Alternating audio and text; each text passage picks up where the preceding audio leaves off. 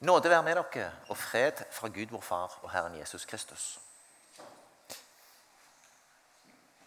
Før vi leser søndagens tekst sammen, så ber vi. Herre, takk for søndagen. Takk for anledningen til å komme sammen. Takk, Herre, for gudstjenesten. Takk for søndag klokka 11. Takk for den gode vanen det er, Herre, å komme sammen i fellesskapet. Herre, nå ber jeg om at du eh, åpner ordet for oss. Ber om at du eh, åpner hjertene. Ber om at du gir meg det jeg trenger. Kom, Hellige Ånd, og vær med oss. Amen. Søndagens tekst står i Matteus kapittel 23, fra vers 37 til vers 39. Jerusalem, Jerusalem, du som slår profetene i hæl og steiner dem som blir sendt til deg. Hvor ofte ville jeg ikke samle dine barn som en høne samler kyllingen under sine vinger? Men dere ville ikke. Så hør, huset deres blir forlatt. For jeg sier dere, heretter skal dere ikke se meg før dere sier, velsignet være Han som kommer i Herrens navn. Sammenhengen dette står i, det vi nettopp leste, det er en oppsummering, et klagerop fra Jesus til Jerusalem etter at han har eh, refsa fariserene. Og Vi skal komme litt tilbake til det som står tidligere i kapittel 23, der Jesus er veldig tydelig om, eh, om hva han mener om fariserenes eh, holdning til han. Og fariseernes egen eh, ja, hva skal vi si eh, tilnærming til, eh, til troen. De tekstene som har blitt lest ellers her i dag, lesetekstene, leder oss litt inn på dette med at jødene fikk evangeliet. De første kristne var jøder. Og vi har fått komme til tro gjennom eh, å tro på Jesus, som jo òg var jøde. Vi skylder altså jødene mye. Men det som eh, vi er litt borti her, det er at eh, mange jøder etter hvert ikke var de som, eh, som var mest åpne for ordet. Det ble etter hvert slik altså, at eh, flere og flere av eh, de kristne de var ikke jøder. Og Dette var en stor sorg for Jesus og en stor sorg for Paulus. Og Vi skal si litt om det. Så skal vi si litt videre om dette med fariserene, og så skal vi anvende dette litt på oss sjøl.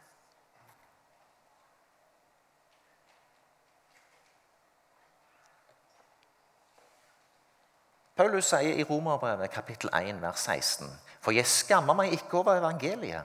Det er en Guds kraft til frelse for alle som tror. Jøde først, og så greker. Hvorfor sier han at evangeliet er en Guds kraft til frelse for alle som tror? Jøde først. Han sier det fordi at Jesus hadde sagt at dere skal begynne i Jerusalem. Dere skal begynne blant jødene. I Lukas evangeliet kapittel 24, versene 44-47, så sier Jesus Det var dette jeg talte om da jeg ennå var sammen med dere, og sa at alt måtte oppfylles som står skrevet om meg i Moseloven, hos profetene og i salmene. Der åpnet han deres forstand, så de kunne forstå Skriftene, og sa til dem, slik står det skrevet, Kristus skal lide og stå opp fra de døde tredje dag, og i hans navn skal omvendelse og tilgivelse for syndene forkynnes for alle folkeslag. Dere skal begynne i Jerusalem. Jødene skulle få det først. Og så ser vi fra denne teksten i Lukas at Jesus underviste disiplene og de to Emmaus-vandrerne litt tidligere i Lukas om at det som har skjedd med meg, det dere har sett Dere har gått sammen med meg i tre år. Dere har sett hva som har skjedd. Jeg døde på et kors. Jeg har stått opp igjen. Dette er oppfyllelsen av Skriftene. fra Mosebøkene og salmene til profetene, så er det skrevet om meg. Der åpnet han deres forstand, så de kunne forstå Skriftene. De forsto og så dette.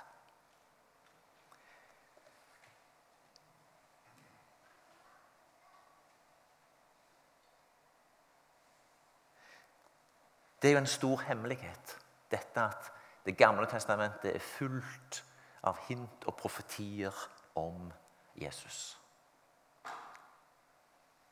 Jeg husker min egen datter som jeg hadde på søndagsskolen for mange år siden. Så sa hun pappa Hvordan visste de at Jesus skulle få grava til en rik mann? Skrevet 700 år før det skjedde. Ja, det er profetene. Det er, pro det er profetier som ble oppfylt. Et barn undrer seg og ser sammenhengene. At Gud har forberedt noe. Videre i Apostelens gjerning kapittel 1,8.: Men dere skal få kraft når Den hellige ånd kommer over dere, og dere skal være mine vitner i Jerusalem og hele Judea, i Samaria og like til jordens ender. Dette sier Jesus i forbindelse med Kristi himmelfartsdag, like før han blir rykt opp i himmelen. Dere skal være mine vitner i Jerusalem først, og hele Judea. Videre til Samaria og like til jordens ender. De første kristne er altså jøder, eller mennesker som hadde slutta seg til jødedommen. På pinsedag, når 3000 blir lagt til menigheten, så er de aller, aller fleste tilknytta jødedommen. Og så ser vi at forfølgelsene etter hvert begynner. I apostelgjerningen kapittel 8 så er det slik at en forfølgelse i Jerusalem fører til at de første kristne blir spredt omkring i Judea og Samaria. Og diakonen Philip kommer til en by i Samaria. Der står det i apostelgjerningen kapittel 8 vers 14. Men nå trodde de Philip som forkynte evangeliet om Guds rike og Jesu Kristi navn. Og de lot seg døpe, både menn og kvinner. Evangeliet ble forkynt i Samaria som følge av forfølgelse i Jerusalem. Er det ikke fascinerende at motstanden som de kristne møter i Jerusalem, blir til velsignelse for Samaria? Det at de ikke får Jerusalem, men blir spredt. Alle kristne. De blir spredt utover. Gud er en forunderlig Gud. Han lar altså det at forfølgelsen skjer ja, fra jødene mot andre jøder som har blitt kristne, føre til velsignelse for Samaria. Videre ser vi i apostelgjerningen kapittel 11 fra vers 19 at evangeliet etter hvert kommer til de som verken er jøder eller samaritanere, men rett og slett ikke jøder eller hedninger, som det er uttrykket. Apostelgjerningen kapittel 11 fra vers 9. Under den forfølgelse som brøt løs av Nei, fra vers 19. Under den forfølgelse som brøt løs pga. Stefanus, var noen av de fordrevne kommet så langt som til Fønikia, Kypros og Antiokia. Men de hadde forkynt ordet bare for jøder. Noen av dem, folk fra Kypros og Kyrene, kom til Antiokia, hvor de også talte til grekere og forkynte evangeliet om Herren Jesus. Og Herrens hånd var med dem, slik at mange kom til tro og vendte om til Herren. Det som var skjedd, kom også menigheten i Jerusalem for øre, og de sendte Barnabas til Antiokia.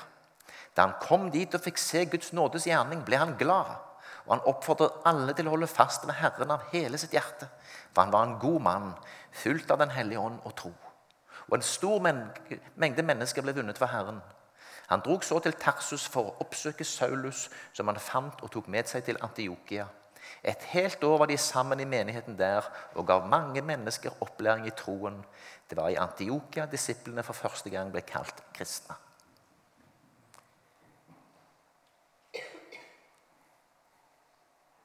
Forfølgelsen som brøt løs pga. Stefanus, førte de altså til Fønikia, Kypros og Antiokia. Til andre områder. Evangeliet begynner å krysse grenser.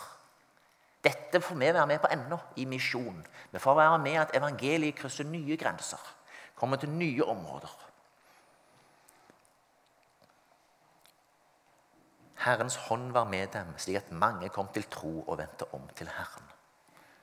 Så skal vi ikke dvele for lenge med den, men det er fint å se Barnabas, en av de fortrolige eh, kristne i Jerusalem, som kommer ned og har en liten sånn oversikt over det hele.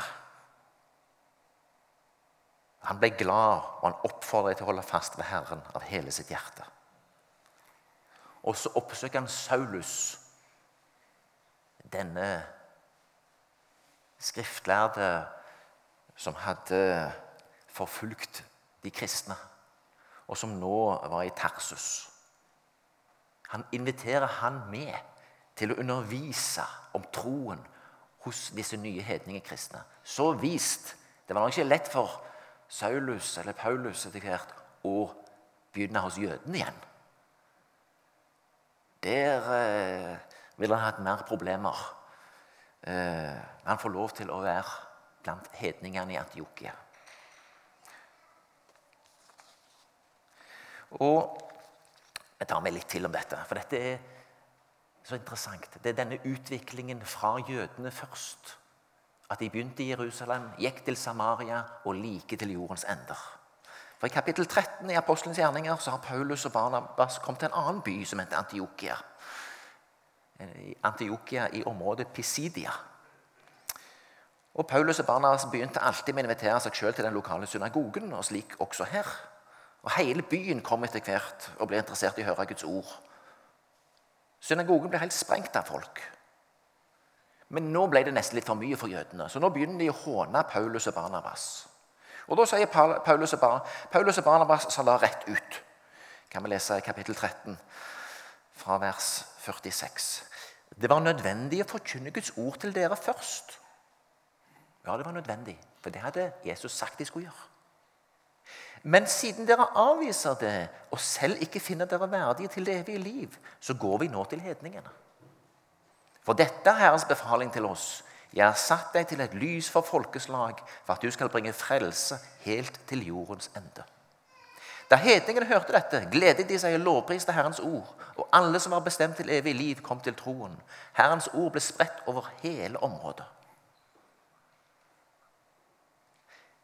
Det er så spennende å se hvordan evangeliet brer seg ut. Det skjer gjennom motstand. Det skjer gjennom forfølgelse, og vi ser at relativt fort så har hedningene blitt de som i stort monn tar imot evangeliet. Men dette er stor sorg for Jesus, og det er stor sorg for Paulus. De var altså negative. De hadde mye kunnskap, de hadde mye bagasje. De greier ikke helt å ta inn den nye åpenbaringen som har kommet med Jesus. Jesus har selv vist at han er Messias ut ifra Skriftene. og Etter sin døde oppstandelse underviser han disiplene og viser at Skriftene er blitt oppfylt i ham. Mosebøkene, salmene, profetene Alle Skriftene forteller om Jesus. Paulus blir møtt sterkt av Jesus og innser det er jo Jesus som er den røde tråden i Gammeltestamentet. Det var spesielt troverdig at det var en sånn en skriftlærd som Paulus som får møte Jesus. For da er det sånn I et nu så åpenbares ting for Saulus. Han ser nå klart det han ikke har sett før. Han ser nøkkelen. Han ser hvem Jesus er, og han ser og kjenner han igjen fra Det gamle testamentet. Og Veldig mye av utleggelsen i synagogene gikk jo på dette å vise Jesus i Skriften i Det gamle testamentet. De hadde jo bare Det gamle testamentet på den tida. Og du måtte vise Jesus gjennom å eh, undervise fra Det gamle testamentet. Bare en liten eh, til. Fra Mosebøkene av står det at eh, Jesus underviste dem om hvem han var. Hvis vi tar historien om Josef Den er fantastisk. Josef som blir forrådt av sine egne, av sine brødre som kommer til Egypt, til fremmed land, og som der blir konge og får gi brød til hele verden. Det Er ikke det et sterkt bilde på Jesus? Han blir forrådt av sine egne. Han kommer til fremmed land der han blir akseptert etter hvert. Og han får gi brød til hele verden. Og etter hvert så kommer hans egne brødre tilbake igjen. Det er så mange paralleller for den som vil se og tro. Men Den hellige ånd må opplyse oss. Han må gi oss øyne som ser.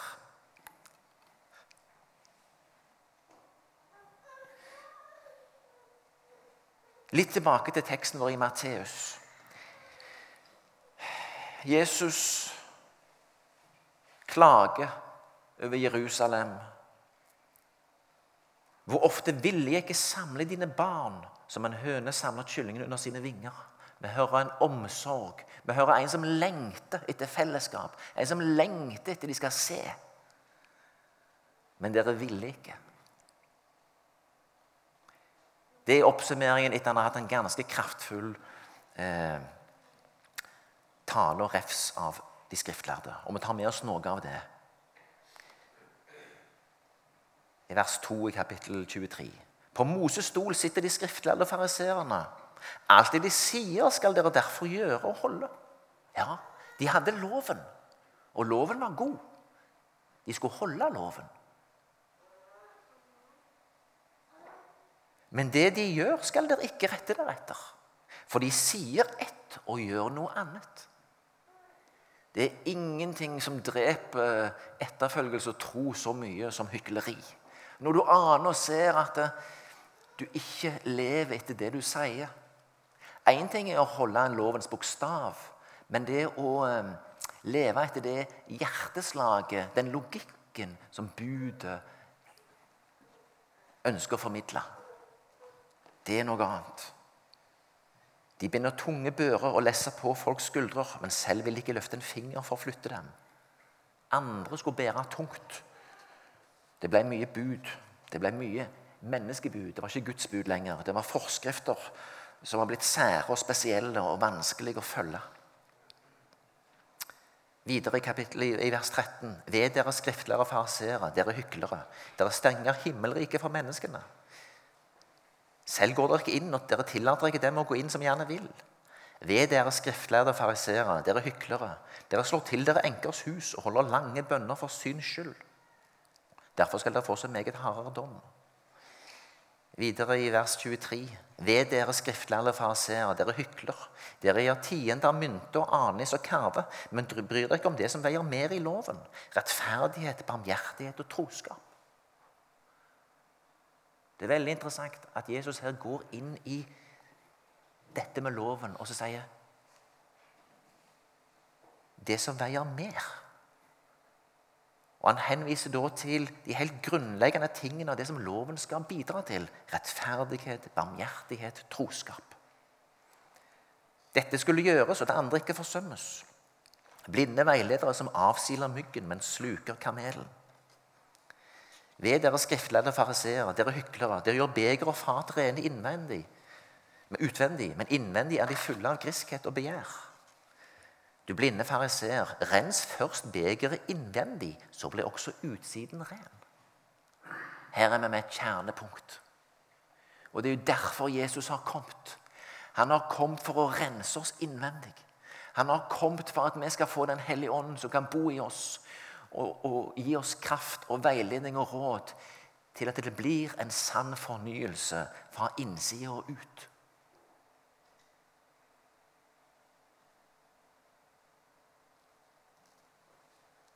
Videre vers 27. Ved dere skriftlærde fariseere, dere hyklere, dere ligner hvitkalkede graver, de som er utvendige er vakre å se til, men innvendige er fulle av dødelige ben og all slags urenhet. Slik det også med dere. I det ytre, det som folk ser, er dere rettskaftne, men det indre er dere fulle av hykleri og urett. Fariseerne hadde så mye kunnskap. De kunne så mye. Og de hadde lagd seg så mange forskrifter og regler. Det var blitt et sånn et edderkoppnett så de hadde fanga seg sjøl og andre i. Og de kjente seg selvsagt utfordra dette nye.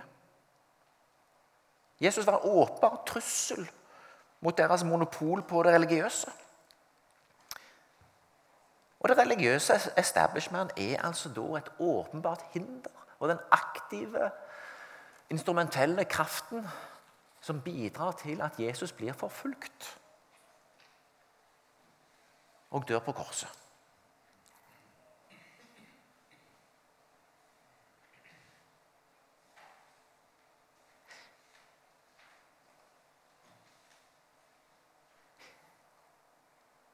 Ingen vil være fariseer.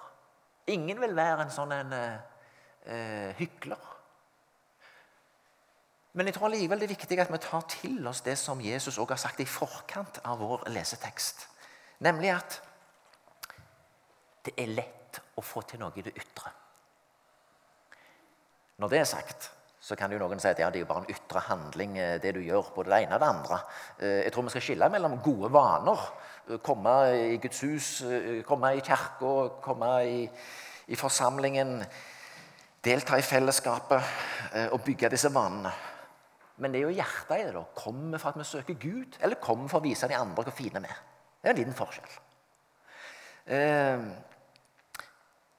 Det er åpenbart hva Jesus vil. Han vil ha relasjon med oss, han vil ha kontakt med oss. Han ber oss komme til ham. Eh, tekstene som ble lest som lesetekster her, er jo òg veldig alvorlige. Fra Jesaja. Det er ingen som påkaller ditt navn, og ingen som tar seg sammen for å holde fast ved deg, står det i min bibeloversettelse. Det er jo veldig trist når det er ingen som påkaller Herrens navn, og ingen som tar seg sammen for å holde fast ved Herren og ved Hans navn. Da blir det bare de ytre tingene etter hvert. Og det liker ikke Gud når det bare er det ytre, når det ikke er et sant fellesskap. Og videre fra Jesaja i, verset, i kapittel 65. Til det folk som ikke påkalte meg, sa jeg, her er jeg, her er jeg. I forkant der står det 'Jeg hadde svar for dem som ikke spurte'. 'Jeg var å finne for dem som ikke søkte meg'. Gud sier 'Her er jeg'. Jesus kommer til oss. Gud kommer til oss ved Jesus Kristus. Og han sier veldig tydelig 'Her er jeg'. Nå kommer jeg til dere fysisk. Nå viser jeg meg for dere. Nå har jeg oppfylt Skriftene. Nå har jeg oppfylt Det gamle testamentets eh, eh profetier. Alt har skjedd. Ser dere det ikke? Jeg er her. Jeg er synlig til stede i en fysisk verden. Og vi har gode overleveringer som viser at dette er troverdige ord. Det har skjedd. Gud kom til oss. Og så er det en sorg for Jesus at fariseerne og jødene ikke ser det. Men det er sorg at så mange andre ikke ser det og ikke vil se det. Og det er sorg når vi som kalles Guds folk, bare begynner å leve på eh, overflaten og ikke i dybden. Når det bare blir en ytre og ikke en indre realitet. Og Dette er en fare for oss alle. Og dette er ordet til oss i dag. La det bli alvor. La det bli en relasjon. La det bli et liv. La det bli en bønn. La det bli et fellesskap. La det bli noe som leves ut fra vårt indre. Og så er det litt sånn at ja, vi kan bli fortvilte. Vi kjenner at eh, jeg har så lite tro. Jeg er så vaklende. Jeg blir så lett påvirka av alt som skjer rundt meg. Så har ordet òg hjelp til oss der. I Klagesangene kapittel 5 vers 21 i A, der står det i en oversettelse Vend oss om til deg, Herre, så blir vi omvendt. For en bønn. Herre, vend oss om til deg. Ikke at vi skal vende oss om, men at Herren må vende oss om til ham. Og Jeremia 17, 14. Leg meg, Herre, så blir jeg lekt. Frels meg, du, så blir jeg frelst. For du er min lovsang. Så gjelder det å plassere seg på et sted som Sakkeus, der Jesus måtte komme forbi. Der vi kan bli påvirka, der vi kan bli prega, der vårt indre kan bli forvandla, der vårt sinn kan bli fornya. Slik at vi ikke ender som fariserene, som har det i det ytre, men som ikke lever et sant liv. Og dette indre er det som eh, Jesus poengterer så sterkt i teksten vår. For han lengter etter en sann relasjon. Han lengter etter en sann relasjon til Jerusalem og folka der hele Israels folk, inkludert fariseerne. Han lengta etter at de skulle komme til ham og ta imot ham. Men så ser vi hvordan det gikk. Men dere ville ikke. Men det vi ser, og som vi skal ta til oss Vi har med å gjøre en Gud som lengter til fellesskap med, med oss. Vi har å gjøre med en Gud som har sendt oss en sønn i synlig fysisk skikkelse for at vi skal kunne se hvor glad han er i oss. Vi har fått ekstreme manifestasjoner fra Gud hvor glad han er i oss, med en som blir hengt på et kors, og som tar på seg all verdens synd, og din og min, og gjør soning slik at det blir rettferdighet. Det blir Guds rettferdighet. Det blir en soning. Frels oss du, så blir vi frelst. Ja, han måtte frelse oss. Da kan vi bli frelst.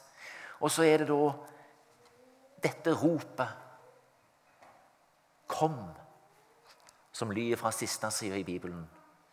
Kom, står det der.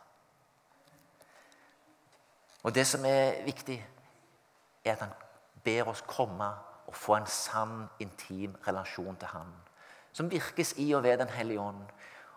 Og som eh, skjer gjennom praksiser, gjennom fellesskap, gjennom bønnen. Gjennom det Gud leder oss i. Gjennom at vi blir åpne for Hans vilje og det Han eh, gjør i verden. At vi blir åpne for å se. At vi får øyne som ser hva han holder på med. Han holder på med store ting. Det er spennende å være en del av en misjonsorganisasjon. Vi bør kanskje bare dvele enda mer med alt det store og fine som skjer også på innsiden av vår organisasjon. Hva Gud gjør gjennom misjonsarbeid. Men først og fremst må vi ta dette til oss sjøl. Herre, vend oss om til deg, så vi blir omvendt. Frels meg du, så blir jeg frelst. Kom, Herre. Det er din kraft, det er du ved din Hellige Ånd som kan virke en sann relasjon. Herre, vi ber om at du kommer til oss. Vi ber om at du kommer til hver enkelt. Herre, vi ber om at det blir som har satt som overskrift for oppstartshelga Se, jeg gjør noe nytt. Herre, jeg ber om at du kommer til hver enkelt av oss og fornyer oss innvendig. Har tillit til at du vil gjøre noe i oss, Herre, både i den enkelte og i fellesskapet vårt. Kom, Herre Jesus.